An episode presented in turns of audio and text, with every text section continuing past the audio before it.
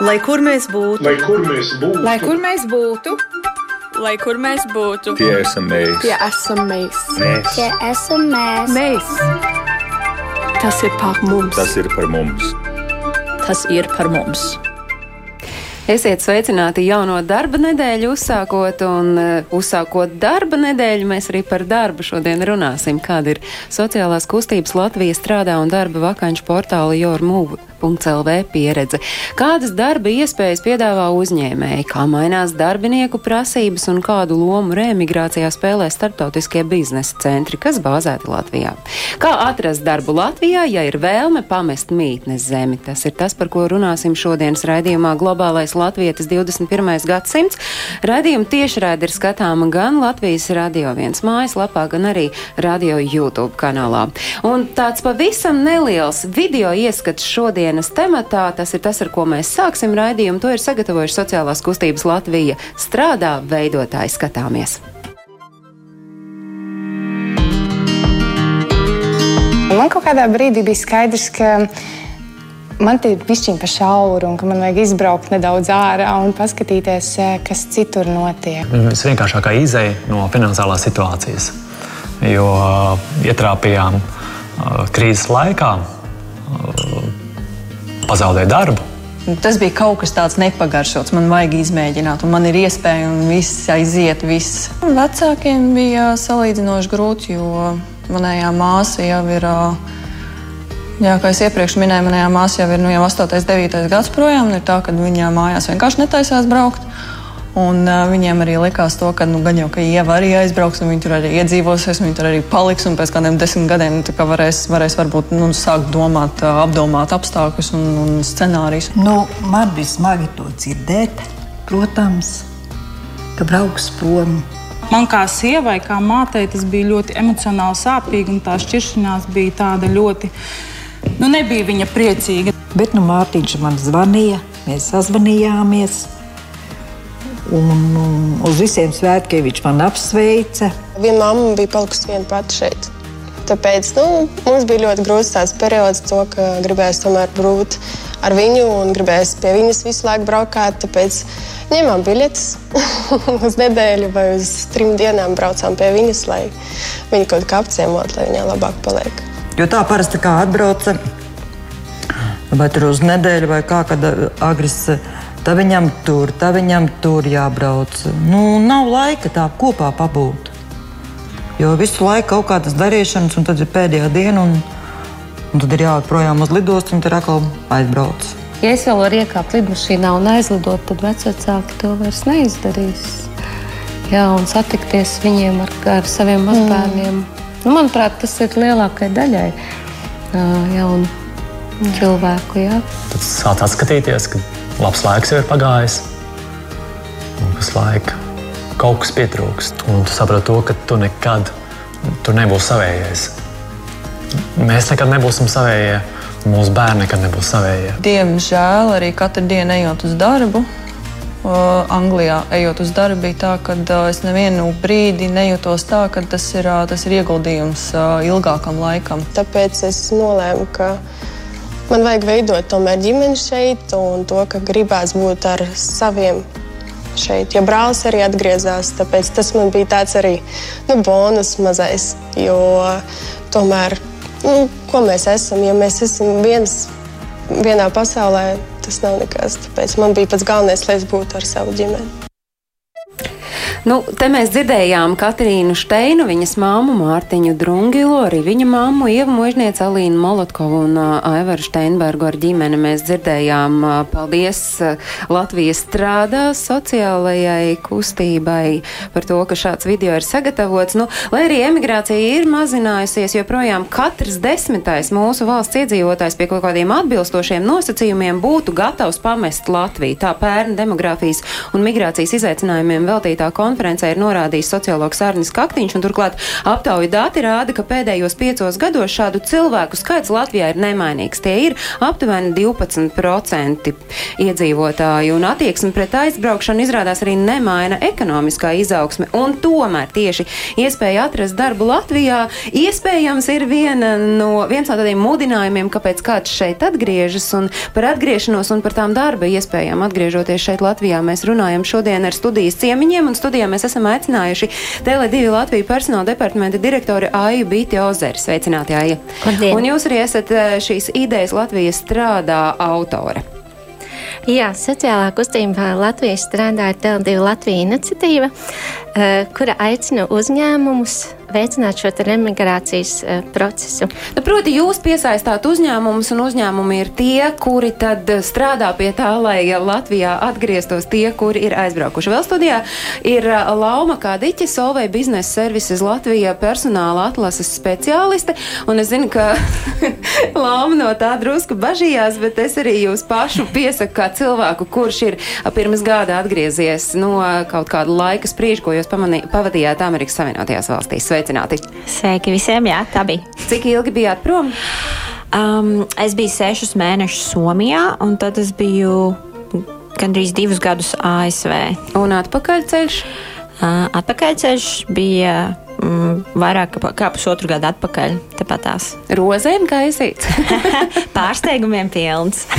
Monta Gaidāna šeit pārstāv EBSL Latvijas startautisko biznesa pakalpojumu centru nozares asociācijas izpildirektori. Jūs esat sveicināti, Monta. Jā, sveicināti. Varbūt izklausās, izklausās diezgan sarežģīti. Jā, bet, nu, principā nozarē šobrīd ir 50 uzņēmumu, un šīs te nozars uzņēmumi sniedz darba vietas 9000 Latvijas iedzīvotāju. Tātad es domāju, šajā diskusijā man būs iespēja vairāk par to arī ieskicēt, kādas darba vietas ir un, un, un kāpēc tās būtu noteikti ļoti piemērotas tieši arī ārvalstīs dzīvojošiem latviešiem. Nu, un vēl studijā ir Jānis Kreilis, darba vakanču portāla Jormūv dibinātājs un vadītājs. Sveicināti, Jāni! Jā, sveiki. nu, tad tā jūsu loma remigrācijas procesu veicināšanā ir kāda? Jā, arī tāda, ka mēs veidojam platformu, kā savienot uzņēmumus, kam interesē uh, remigranti, arī ārzemnieki. Un, uh, kur tad var pieteikties, atrast iespējas un uh, jā, atrast šīs darba, darba piedāvājumus? Tātad katram no jums ir jāapdomā tas, kāda ir tā jūsu loma remigrācijas procesa veicināšanā.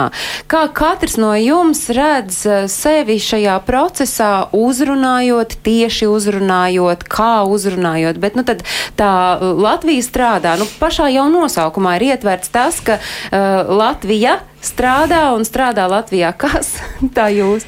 Jā, pamatdoma ir eh, tāda, ka Latvija strādā ir uh, divi mērķi. Pirmais mērķis bija piesaistīt vismaz simts uzņēmumus, kur var piedāvāt konkrētas vakances. Un tādējādi, ejot uh, mājas Latvijas strādā.lv, potenciālie darba meklētāji var redzēt konkrētas darba iespējas. Un otrs mērķis bija visiem uzņēmumiem kopā, kas šobrīd jau ir 114 kustības uh, biedri, atvest mājās ilgtermiņā tūkstots Latvijas valsts piedarīgos, kas šobrīd strādā vai mācās ārvalstīs. Bet tad kā? Kā viņus atvest? Jo mēs arī šeit, šajā raidījumā, šajā studijā esam runājuši, ka skaidrs ar varu tu neko neizdarīsi. Tev ir jā, jāuzrunā tieši tas cilvēks vai jātrāpas ceļā tieši tam cilvēkam, kurš jau apdomā šo domu, ka varētu atgriezties. Kustība Latvijas strādā šobrīd darbojas pusotru gadu, un šī pusotra gada laikā mēs esam sapratuši, ka iepriekš minētie uh, video, visi emocionālie faktori ir tie galvenie, kādēļ cilvēki vēlas atgriezties. Emocionālais faktors, Jāni, no jūsu skatu punkta raugot, ir arī droši vien ir kaut kāds laika periods pagājis nu, no tā brīža, kad cilvēki sāk aktīvi braukt prom, lai mēs varētu skatīties uz tiem, kurus nu, vilināt mājās, nē, mēs kat, es katru reizi paklūpu pie tā. Palīdzēt, palīdzēt atgriezties, tiem, kas to vēlās. Jā, jā. Tas, kā mēs redzam, tas mūsu modelis remigrācijai ir, es piekrītu Aijai, ir, mums ir emocionāli faktori. Šodien skatījos arī jaunos datus pēc uh, sociālās statistikas pārvaldes. tā mm, vecuma eglīte, kurā atgriežas, ir 0 līdz 14. Nu, tātad bērni. Nu, jo viņiem vienkārši nav izvēles iespēja. Atpakaļ nebrauc, principā. Un tad ir tad, kad cilvēkiem parādās, piemēram, bērni. Bērni, vecāki, ģimene, Latvija, savējais. Tas ir tas, kas tev dod ideju, klausies, es gribu atpakaļ. Un, bet tad ir, vai es varu. Un tas varu, tas ir tas, vai man būs labs darbs vai būs laba alga, laba vide, labi apstākļi, vai saprotoši kolēģi, lai tev ir tas nu, pamats. Pagaid, tas darbs tomēr joprojām, nu labi, tai emocijai uzreiz emocijas ir roku jā. rokā nāk tā stabilitāte emocijas darbs. Ir, emocijas ir vēlme, jā. bet darbs ir iespēja. Es varu gribēt, bet ja es neredzēšu pretī labu darba devēju, es varu palikt sapņot. Nu, Tas, tas ir pamats. Un tad, nāk, protams, viss pārējais, ko mēs esam iepriekš runājuši, kas ir koordinātora loma, kas ir uh, dzīves biedriem, kas ir uh, izglītība, veselības aprūpe, sociālai pabalsti. Tas viss tādā piramīdā iet uz augšu. Manuprāt, tas beidzās ar tādu nu, sabiedrības attieksmi un vispārējo. Bet darbs ir pamats, un tāpēc ir ļoti svarīgi, ka mums ir uzņēmumi, kas aktīvi meklē, ir gatavi strādāt un, un piesaista cilvēkus un palīdz viņiem nostabilizēties šeit. Ko jūs saprotat ar uzņēmumi, kuri aktīvi meklē? Es šeit noteikti gribētu minēt tieši startautisko biznesa centru uzņēmumus. Varbūt uzreiz pavisam ātri ieskicēšu, ko tas īsti nozīmē. Tātad startautiskie biznesa pakalpojumu centri, es teiktu, vismaz šī raidījuma ietvaros varētu iedalīt divās grupās. Tie ir vai nu. Um, Tad lielu startautisku uzņēmumu struktūru vienības, kas nodrošina šo, šo te, uh, biznesa atbalsta funkcijas tieši uzņēmuma grupas ietvaros. Nu, populārākās ir noteikti tādas kā informācija tehnoloģijas, finanses, noteikti arī uh, klientu servis. Uh, tāpat arī loģistika, iepirkumi, noteikti arī personāla vadība. Šīs ir tādas populārākās funkcijas. Nu, un otra tāda būtiska uh, grupa ir tie, kas sniedz šo pašu pakalpojumu tikai juridiski nesaistītiem uzņēmumiem, tātad uz āru. Un tas ir principā kā kognizants strādā vai kā strādā Accenture Latvijā. Tātad šie nozares uzņēmumi ļoti strādā uz to, lai uh, tie cilvēki, kas pie viņiem strādātu, lai viņi tiešām justos labi un novērtēti. Un tas pamats ir, kāpēc uh, tieši kā, nu, kā asociācijas. Uh, izpildu direktors uzskatu, ka tas ir ļoti būtiski tieši tiem latviešiem, kas dzīvo ārvalstīs, jo noteikti viņi ir pieraduši pie tādas starptautiskas vides. Nu, un, principā šie uzņēmumi arī nodrošina tādu starptautisku vidi, tātad darbu ar klientiem ārvalstīs, Tāpat tās ir dažādas apmācības, tie ir dažādi labumi, sākot no veselības apdrošināšanas, beidzot ar, ar pat augļiem piekdienās birojā. Tās ir noteikti uh, modernas biroja telpas, Nu, tā tad tāds vesels labumu kopums, nu, kas principā nozīmē, ka šīs nozares uzņēmumi ļoti, ļoti padomās par to latvieti, kas atgriezīsies Latvijā, un, protams, arī par citiem darbiniekiem, kas strādā šajā uzņēmumā. Bet vai šis biznesa centrs arī kā nebūtu speciāli meklē un mēģina uzrunāt to latvieti, mm -hmm. kurš tad varētu labi te justies strādājot labu darbu? Nu, tās pieejas ir ļoti dažādas, un biznesa centri arī ir dažādi, bet uh, Nu, vairums no mūsu biedriem tiešām sadarbojas gan ar Latvijas strādā, gan ar Jormūvu, un uh, tie ir tiešām tādi veiksmīgi sadarbības partneri. Uh, ja runā par reāliem gadījumiem, tad noteikti vērts atzīmēt, ka, piemēram, um, uh, Piemēram, SEB biznesa centrs, kurā nodarbināti 700 darbinieki, 2019. gadā Latvijā ir atgriezis uh, reāli sešus cilvēkus. Man šķiet, tas ir diezgan labs rādītājs.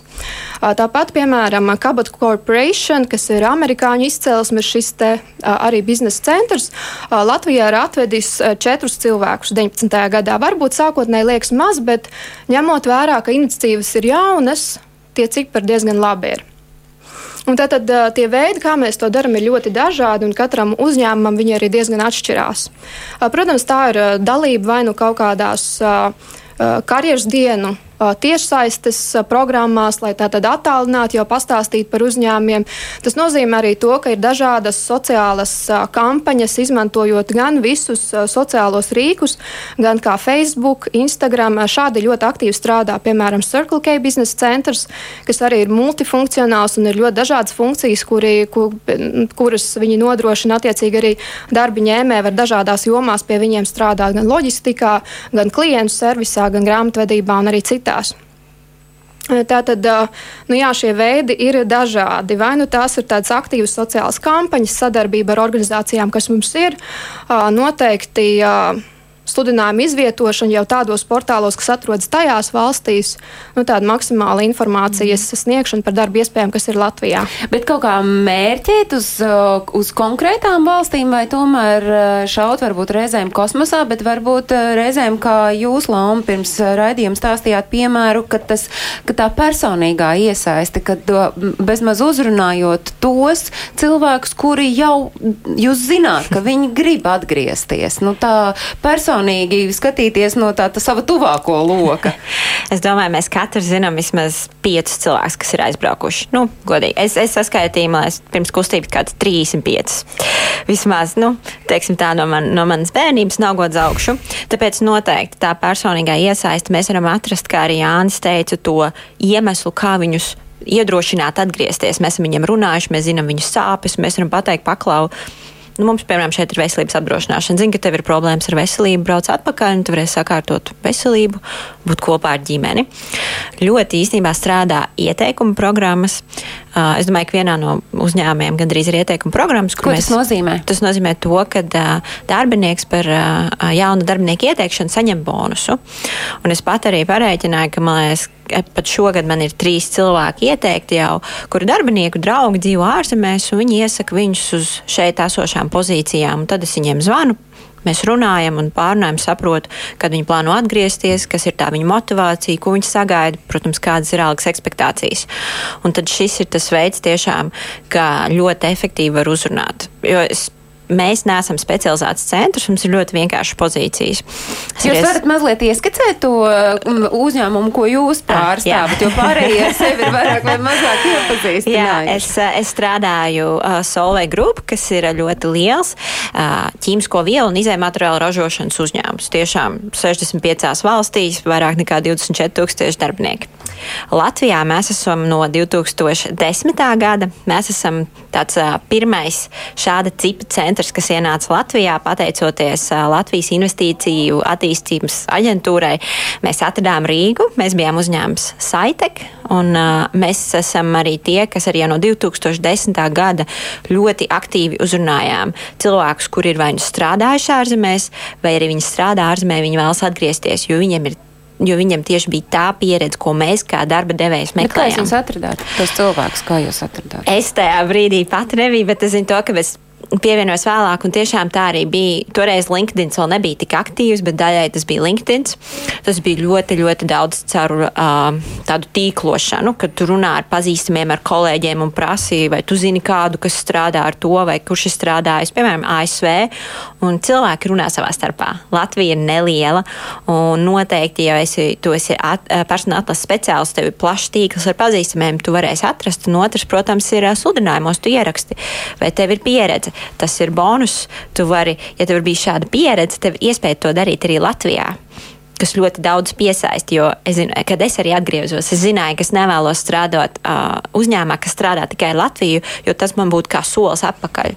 Un sakot, ka tu strādāsi ar dažādām valstīm, mani kā darba ņēmēju un arī citus, tas piesaista, jo viņiem būs iespēja darīt to, kas viņiem iepriekš patika.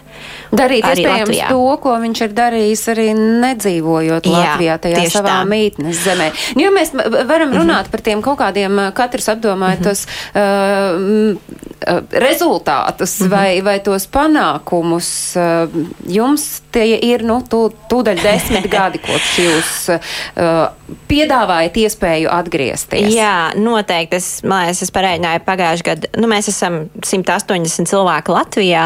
Mēs pagājušajā gadā pieņēmām 60 cilvēkus no malas. Un, piemēram, es atceros, ka no malas, eh, tas no ir kā, kā cilvēks, kas nestrādā uzņēmumā. Jo mēs diezgan daudz arī iekšējos resursus paaugstinām un tā.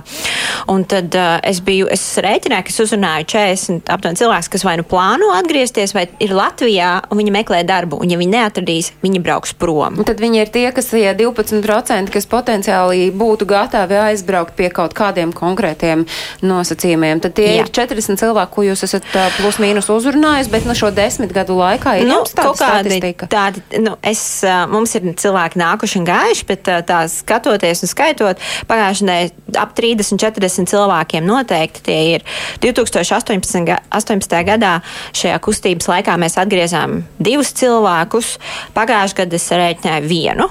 Nu tā, tas, tas, tas varbūt nav, neliekas varbūt tik daudz kopumā, bet tā kā mēs esam 180 cilvēku uzņēmums un no šiem te aptuveni mm, pāris desmitiem jaunpienācējiem mēs atgriezām. Un skatoties, izvērtojot tos plusus un mīnusus, uh, dienas beigās laikam mēs neesam viņiem varbūt dažkārt tik interesanti, bet uh, jebkurā grīmā es vienmēr viņiem zvanu, uzrunāju un jautāju, un ja nē, tad viņus iesaku saviem kolēģiem citos uzņēmumos. nu, kā ar Latviju strādā, jo jums nu, tā latiņa ir nosprausta diezgan tāda augsta, un, uh, nu, labi var teikt, uh, vēl pat nav divi gadi, mājā būs divi gadi, ko jau, kopš jūs darbojaties. Uzņēmumu skaits ir pamatīgs, kas jau ir pieteikušies un šo memorandu parakstījuši, bet kas tad ir tie cilvēki, kuri ir atgriezušies? Un vai jūs zināt arī, nu ne tikai tos, ko mēs dzirdējām, runājām filmiņā, bet, bet kas ir tas, kas viņus ir uzrunājis, kas ir viņus atvedis māju? Kustības Latvijas strādā ietvaros vēlētos izcelt Nacionālos bruņotos spēkus, kuri ir atveduši vesels 32 cilvēkus mājās. Un viņu veiksmes atslēga ir tajā, ka viņi ir ļoti konkrēti šajā procesā, kā viņi uzrunā cilvēkus, cik ātri, respektīvi, saņem pieteikumu, uzreiz uzrunā cilvēku, nekavējoties, uzreiz izstāsta tālākos soļus, precīzi, kad kas notiks. Cilvēks atbrauc, uzreiz viņam parāda jau praktiski, kur viņš būs, kas būs jādara, kāds tas darbs izskatīsies. Eh, viņi arī nodrošina, protams, ļoti labas apmācības. Nu, es domāju, ka šis ļoti skaidrais process dod ļoti lielu drošības sajūtu atgriezties, jo cilvēkam tie noteikumi ir pilnīgi skaidri. Un otrs viņa pluss ir tas, ka eh, viņi ir gatavi apmācīt eh, principā cilvēkus no nulles. Tas nozīmē, ja cilvēks ārzemēs strādā teiksim, nu, netik sarežģītu darbu, tad arī atgriežoties viņam ir uh, iespēja iegūt jaunas zināšanas un jaunu profesiju un iemācīties to no nulles, un tas ļoti palīdz. Pēc mirkļa arī Jānim šo pašu jautājumu uzdošu, bet šobrīd es mūsu sarunā iesaistu Agris Trautnieku. Agris šobrīd ir uzņēmuma Tieto Evrī pārstāvis. Agris ir šeit Latvijā, bet uh, atgriezies uh, no dzīves Norvēģijā. Sveicināti, Agri! Sveiki, sveiki visiem! Tad pēc cik ilga prombūtnes laika Norvēģijā jūs atgriezāties un, un kas bija tas galvenais mudinātājs, kas ļāva jums atgriezties Latvijā? Nu, Norvēģijā sanāca, ka nostrādājām astoņus gadus, nostrādāju astoņus gadus un uh, mudināja, nu, tas, ka tomēr tie astoņi gadi ir pagājuši, tu esmi apbražājies tajā visā. Un, un, un, jā, tu tomēr tām mājām velk apakaļ. Un, tas bija man tāds lielākais, lielākais vilcējs spēks, kas tieši tuvinieki, ģimenes sajūta un tomēr savēji apkārt, kas, kas, kas, kas lika atgriezties atpakaļ. Tā ir tā emocionālā puse, par ko mēs arī šeit studijā runājam, ka tas ir tas uh, mudinātājs, tas signāls atgriezties, un tad ir jāsāk šīs praktiskās lietas kārtot. Kā jums šī praktisko lietu kārtošana noritēja, jo darbs, dzīves vieta, nu tas ir tas primārais, lai varētu atgriezties? Nu, tieši tā, nu, dzīves vietā par laimi mums nebija problēma, jo mums jau bija īpašama, īpašums, kur mēs, kā, kur palikties bija. Darbs īstenībā arī noritēja ļoti raiti un ātri atrast. Bija pateicoties Latvijā, Latvijas strādā portālam, kur gan es, gan manā sieva diezgan ātri atradām uzņēmumu, kurā mēs šobrīd arī strādājam. Esam ļoti apmierināti ar to. Jūs varat izstāstīt tieši, kā tas notika. Nu, jūs atverat tur lapu, jūs redzat, tur ir virkne ar uzņēmumiem, kuri saka, mēs tur gribam tādu, tādu. Jūs brīvi izvēlējāties, jūs uzrunājāt to uzņēmumu. Kā tas praktiski notika? Nu, praktiski tas notiek tā, ka tu atver, skaties sludinājumus, Protams, tas, uh, uz tu tiecies un uz eju, tas ir pavisam savādāks un 180 grādi pret to, ko tu biji darījis pirms tam. Līdz ar to mums arī bija tāda sajūta, ka mēs vienkārši nu, ir sludinājums, ir vajadzīgi darbinieki. Mēs saprotam, ka mums būs jāmācās, mums būs jāstrādā. Sūtām CV ārā, motivācijas vēstuli, kurā mēs aprakstām, ka mēs esam gatavi mācīties un saprotam, ka mums nav nekāda pieredze šāda veida uzņēmumā vai arī ar ko uzņēmums tieši nodarbojās, ka mums tajā nav īsta pieredze, bet mēs esam gatavi mācīties. Un, man liekas, tas bija tas lielākais pluss, kas arī nostrādāja, ka nu, mēs esam atvērti, mēs zinām, ka mums nāksies pastrādāt un būs jāstrādā. Um, jā, un uzņēmumi bija arī diezgan ļoti pretim nākoši. Sieva man strādājot Norvēģijā, uzreiz jau dabūja darbu Latvijā, un es jau atgriežoties Latvijā kaut kādas divas, trīs nedēļas pēc tam jau saņēmu arī darba piedāvājumu. Bet kas eh, varbūt bija tie jūsu plusi vēl bez tā, ka jūs esat gatavi mācīties, jo to mēs varam apsolīt jebkurš no mums, nu tāds puslīdz uh, uzticami, ka mēs esam gatavi mācīties. Vai, piemēram, fakts, ka jūs uh, pratāt norvēģu valodu bija kaut kāds jūsu plus un bonus, vai vēl kaut kas, ko jūs redzat, ka tas, ka jums ir šī pieredze strādāt ārpus Latvijas, ir arī viena no jūsu pievienotajām vērtībām, uz ko darba devējs skatās? Nu, Vislielākais pusmēnesis bija tas, ka mums bija norvēģu valodas zināšanas. Plusā arī, protams, angļu valoda. Un, un, un tas arī lielākoties nostrādāja uz to. Bet, eh, kā jau mēs arī esam minējuši iepriekš, kad eh, jāstrādā gan tur, gan šeit. Līdz ar to nav nozīmes, eh, cik, cik tu esi labi kvalificēts vai nekvalificēts tam darbam, ir, bet būs jāstrādā. Braucot uz Latviju, uh, atgriežoties un meklējot darbu, cik svarīgu lomu spēlēja atalgojums tajā pieņemt šo darba piedāvājumu vai uh, teikt šim uzņēmumam, kurš jums saka jā, jā vai, vai tomēr padomāt vēl? Nu, ar atalgojumu, ar to mēs arī bijām rēķinājušies, uh, kad atalgojums nebūs tāds, bet mums bija kaut kādi noliktie griesti, Tad sākumā nu, nu, mēs noteikti sāksim ar kaut kādu naudas summu, ko mēs saņemsim uz rokas jau pēc nodokļu nomaksas. Tas bija tāds, zem kura mēs eh, zemāk noteikti nebūtu gājuši. Bet, eh, ja ir labs darba piedāvājums un labi darba apstākļi, mēs arī būtu gatavi bišķi zem tā pakāpties, ko es arī izdarīju un eh, nenožēloju. Un šobrīd ļoti priecājos par savu izvēli, jo uzņēmumu, kurā strādāju, piedāvā ļoti plašas izaugsmas iespējas, kā arī mācīties un tālāk mācīties un augt uzņēmumā. Līdz ar to tas nostrādāja manā labā, un skatoties laika posmā, ka tie ir tikai pieci, pieci ar pus mēneši, ko es tagad pavadu Latvijā, kopš atgriešanās, un kad esmu jau audzis uzņēmumā, tas, manuprāt, ir liels solis, un tas pierāda, ja tu strādā, tu vari. Nav jau smuki skatīties uh, svešā naudas makā, bet uh, jūs strādājat tajā uzņēmumā, kur drīkst atklāt savu atalgojumu, vai tajā, kur nedrīkst. Jums līgumā ir noteikts, ka jūs nevarat teikt. Manuprāt, es neesmu tik dziļi iedzinājies, bet manuprāt, tur uh, es drošības pēc pateikšu labāk, ka nē, lai nu tas paliek, bet teiks tā pietiek, lai izdzīvotu. Un tad man vēl ir tāds jautājums, nu, astoņi gadi Norvēģijā atbraucot uz Latviju, kas bija tas, ar ko jums iespējams pašam sākumā un jūsu ģimenei bija visgrūtāk aprast? Kas ir tas, ar ko mēs atšķiramies no eh, skandināviem? Ah, tagad jāpadomā pilnīgi.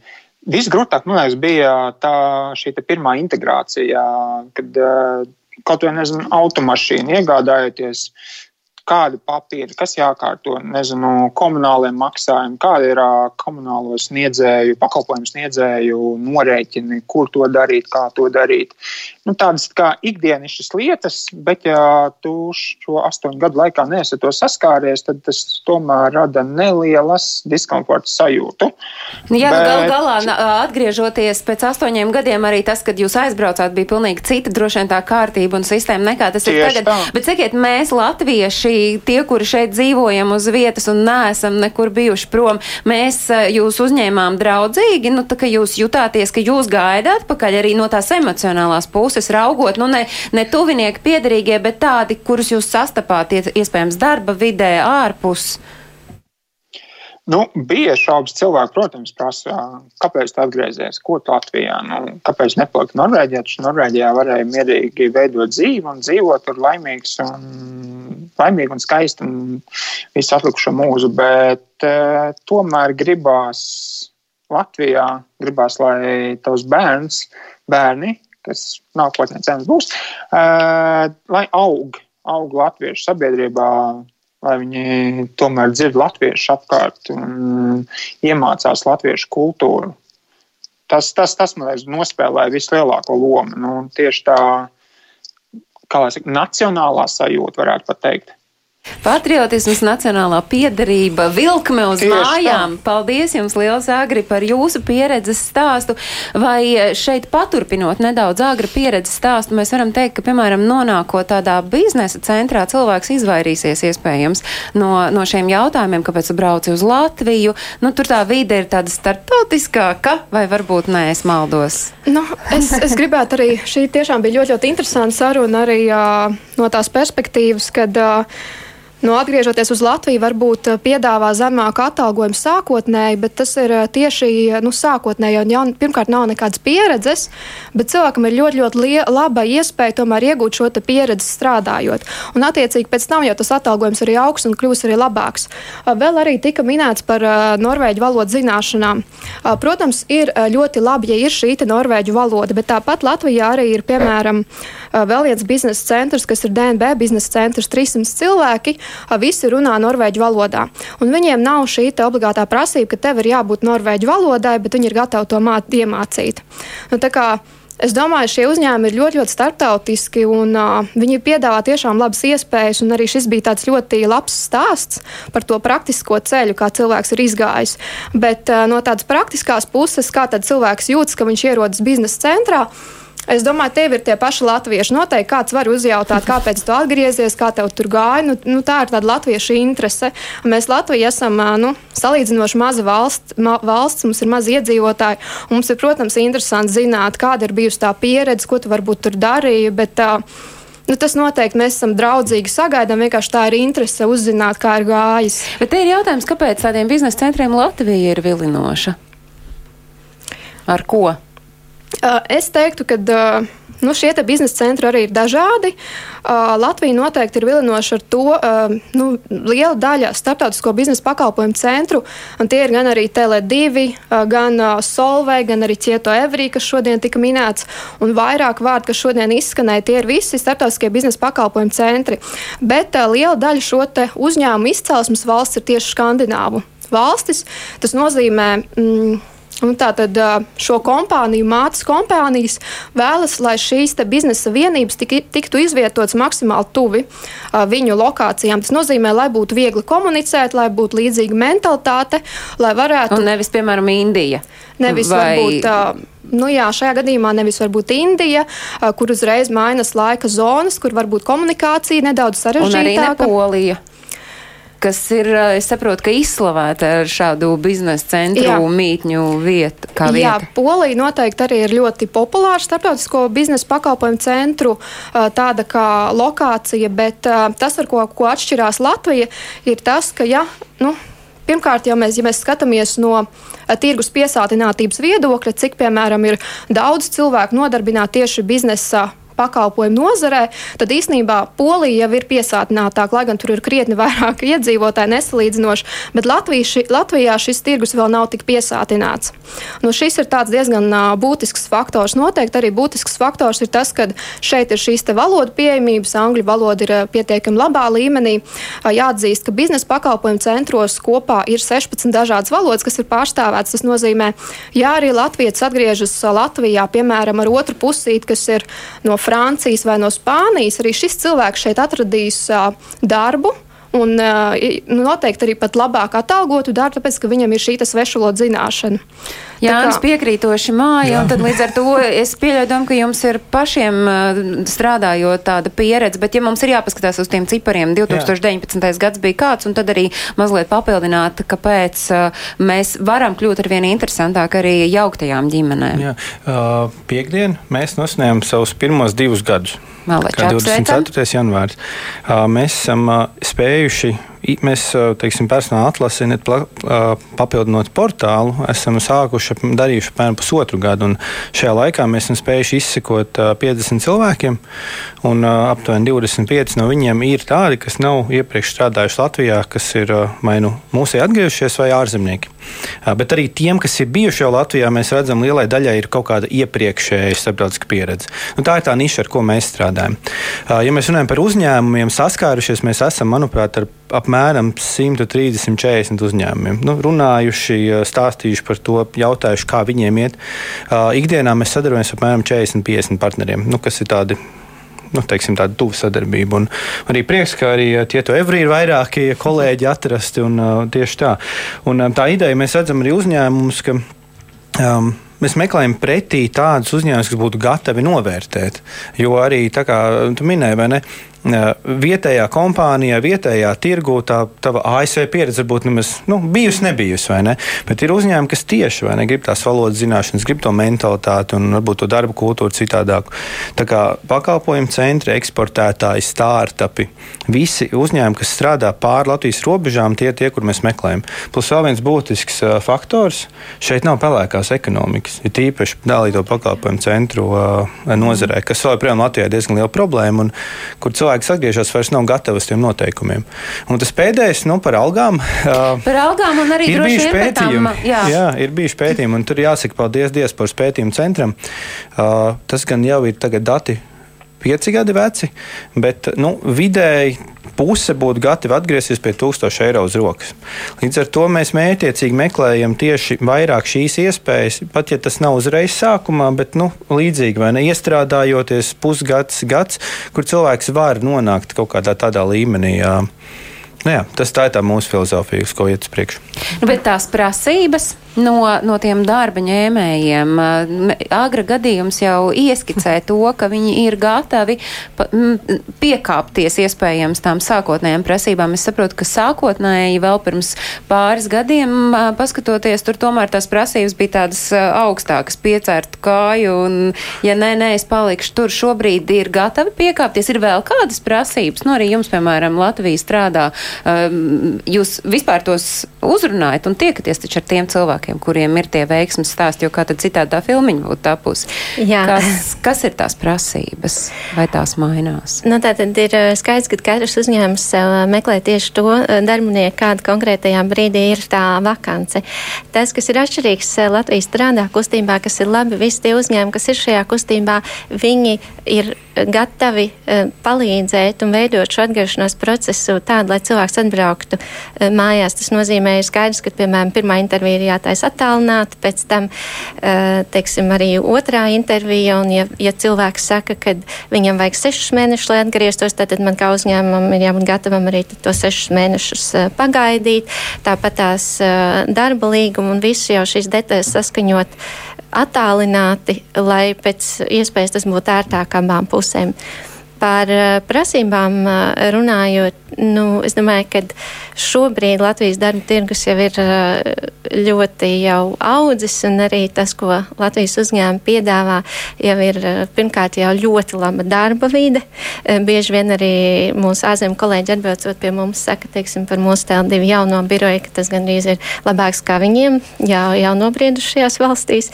Tad uh, otrs ir, protams, uzņēmuma kultūra, uh, kādēļ cilvēks grib katru rītu nākt uz darbu un, un ka viņš ir priecīgs nākt un grib satikt savus kolēģus.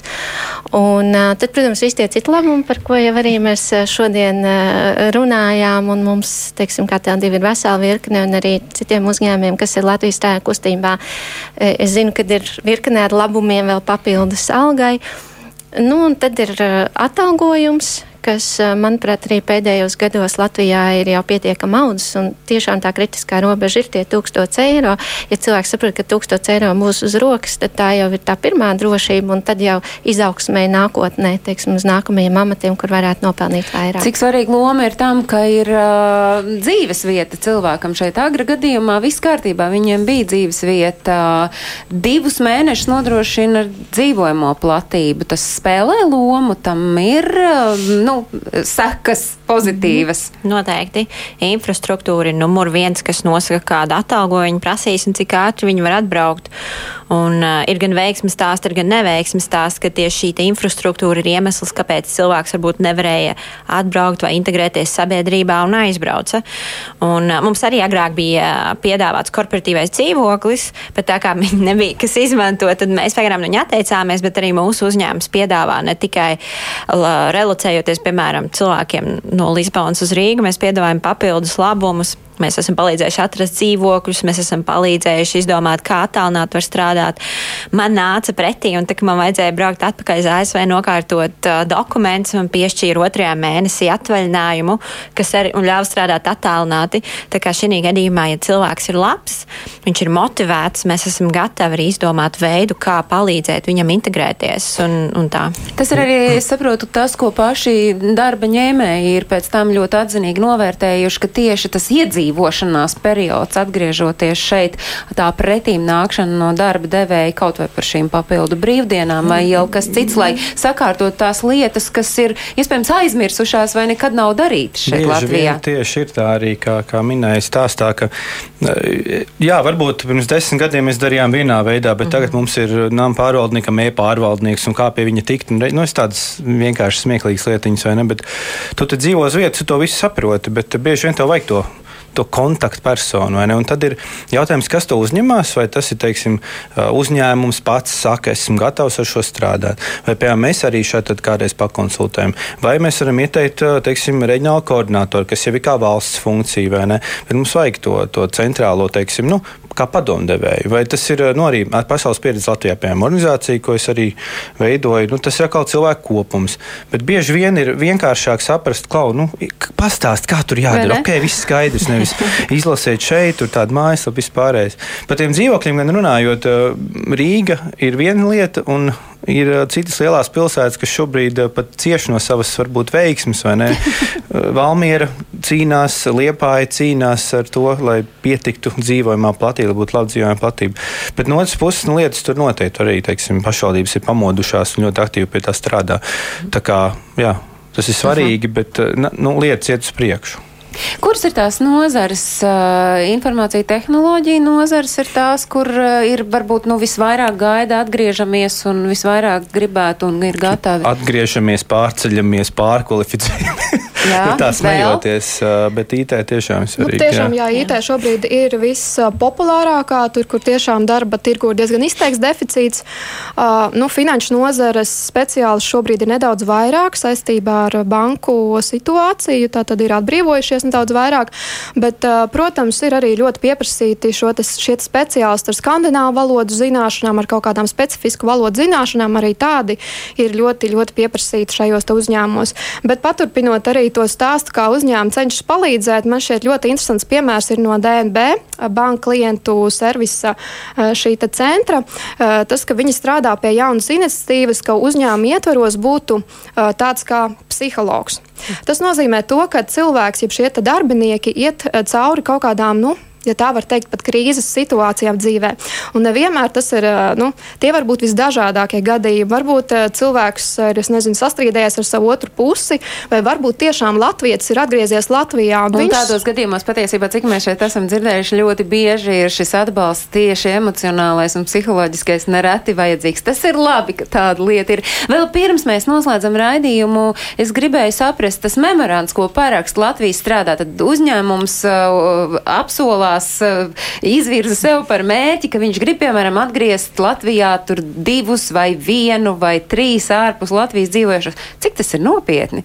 tas memorands.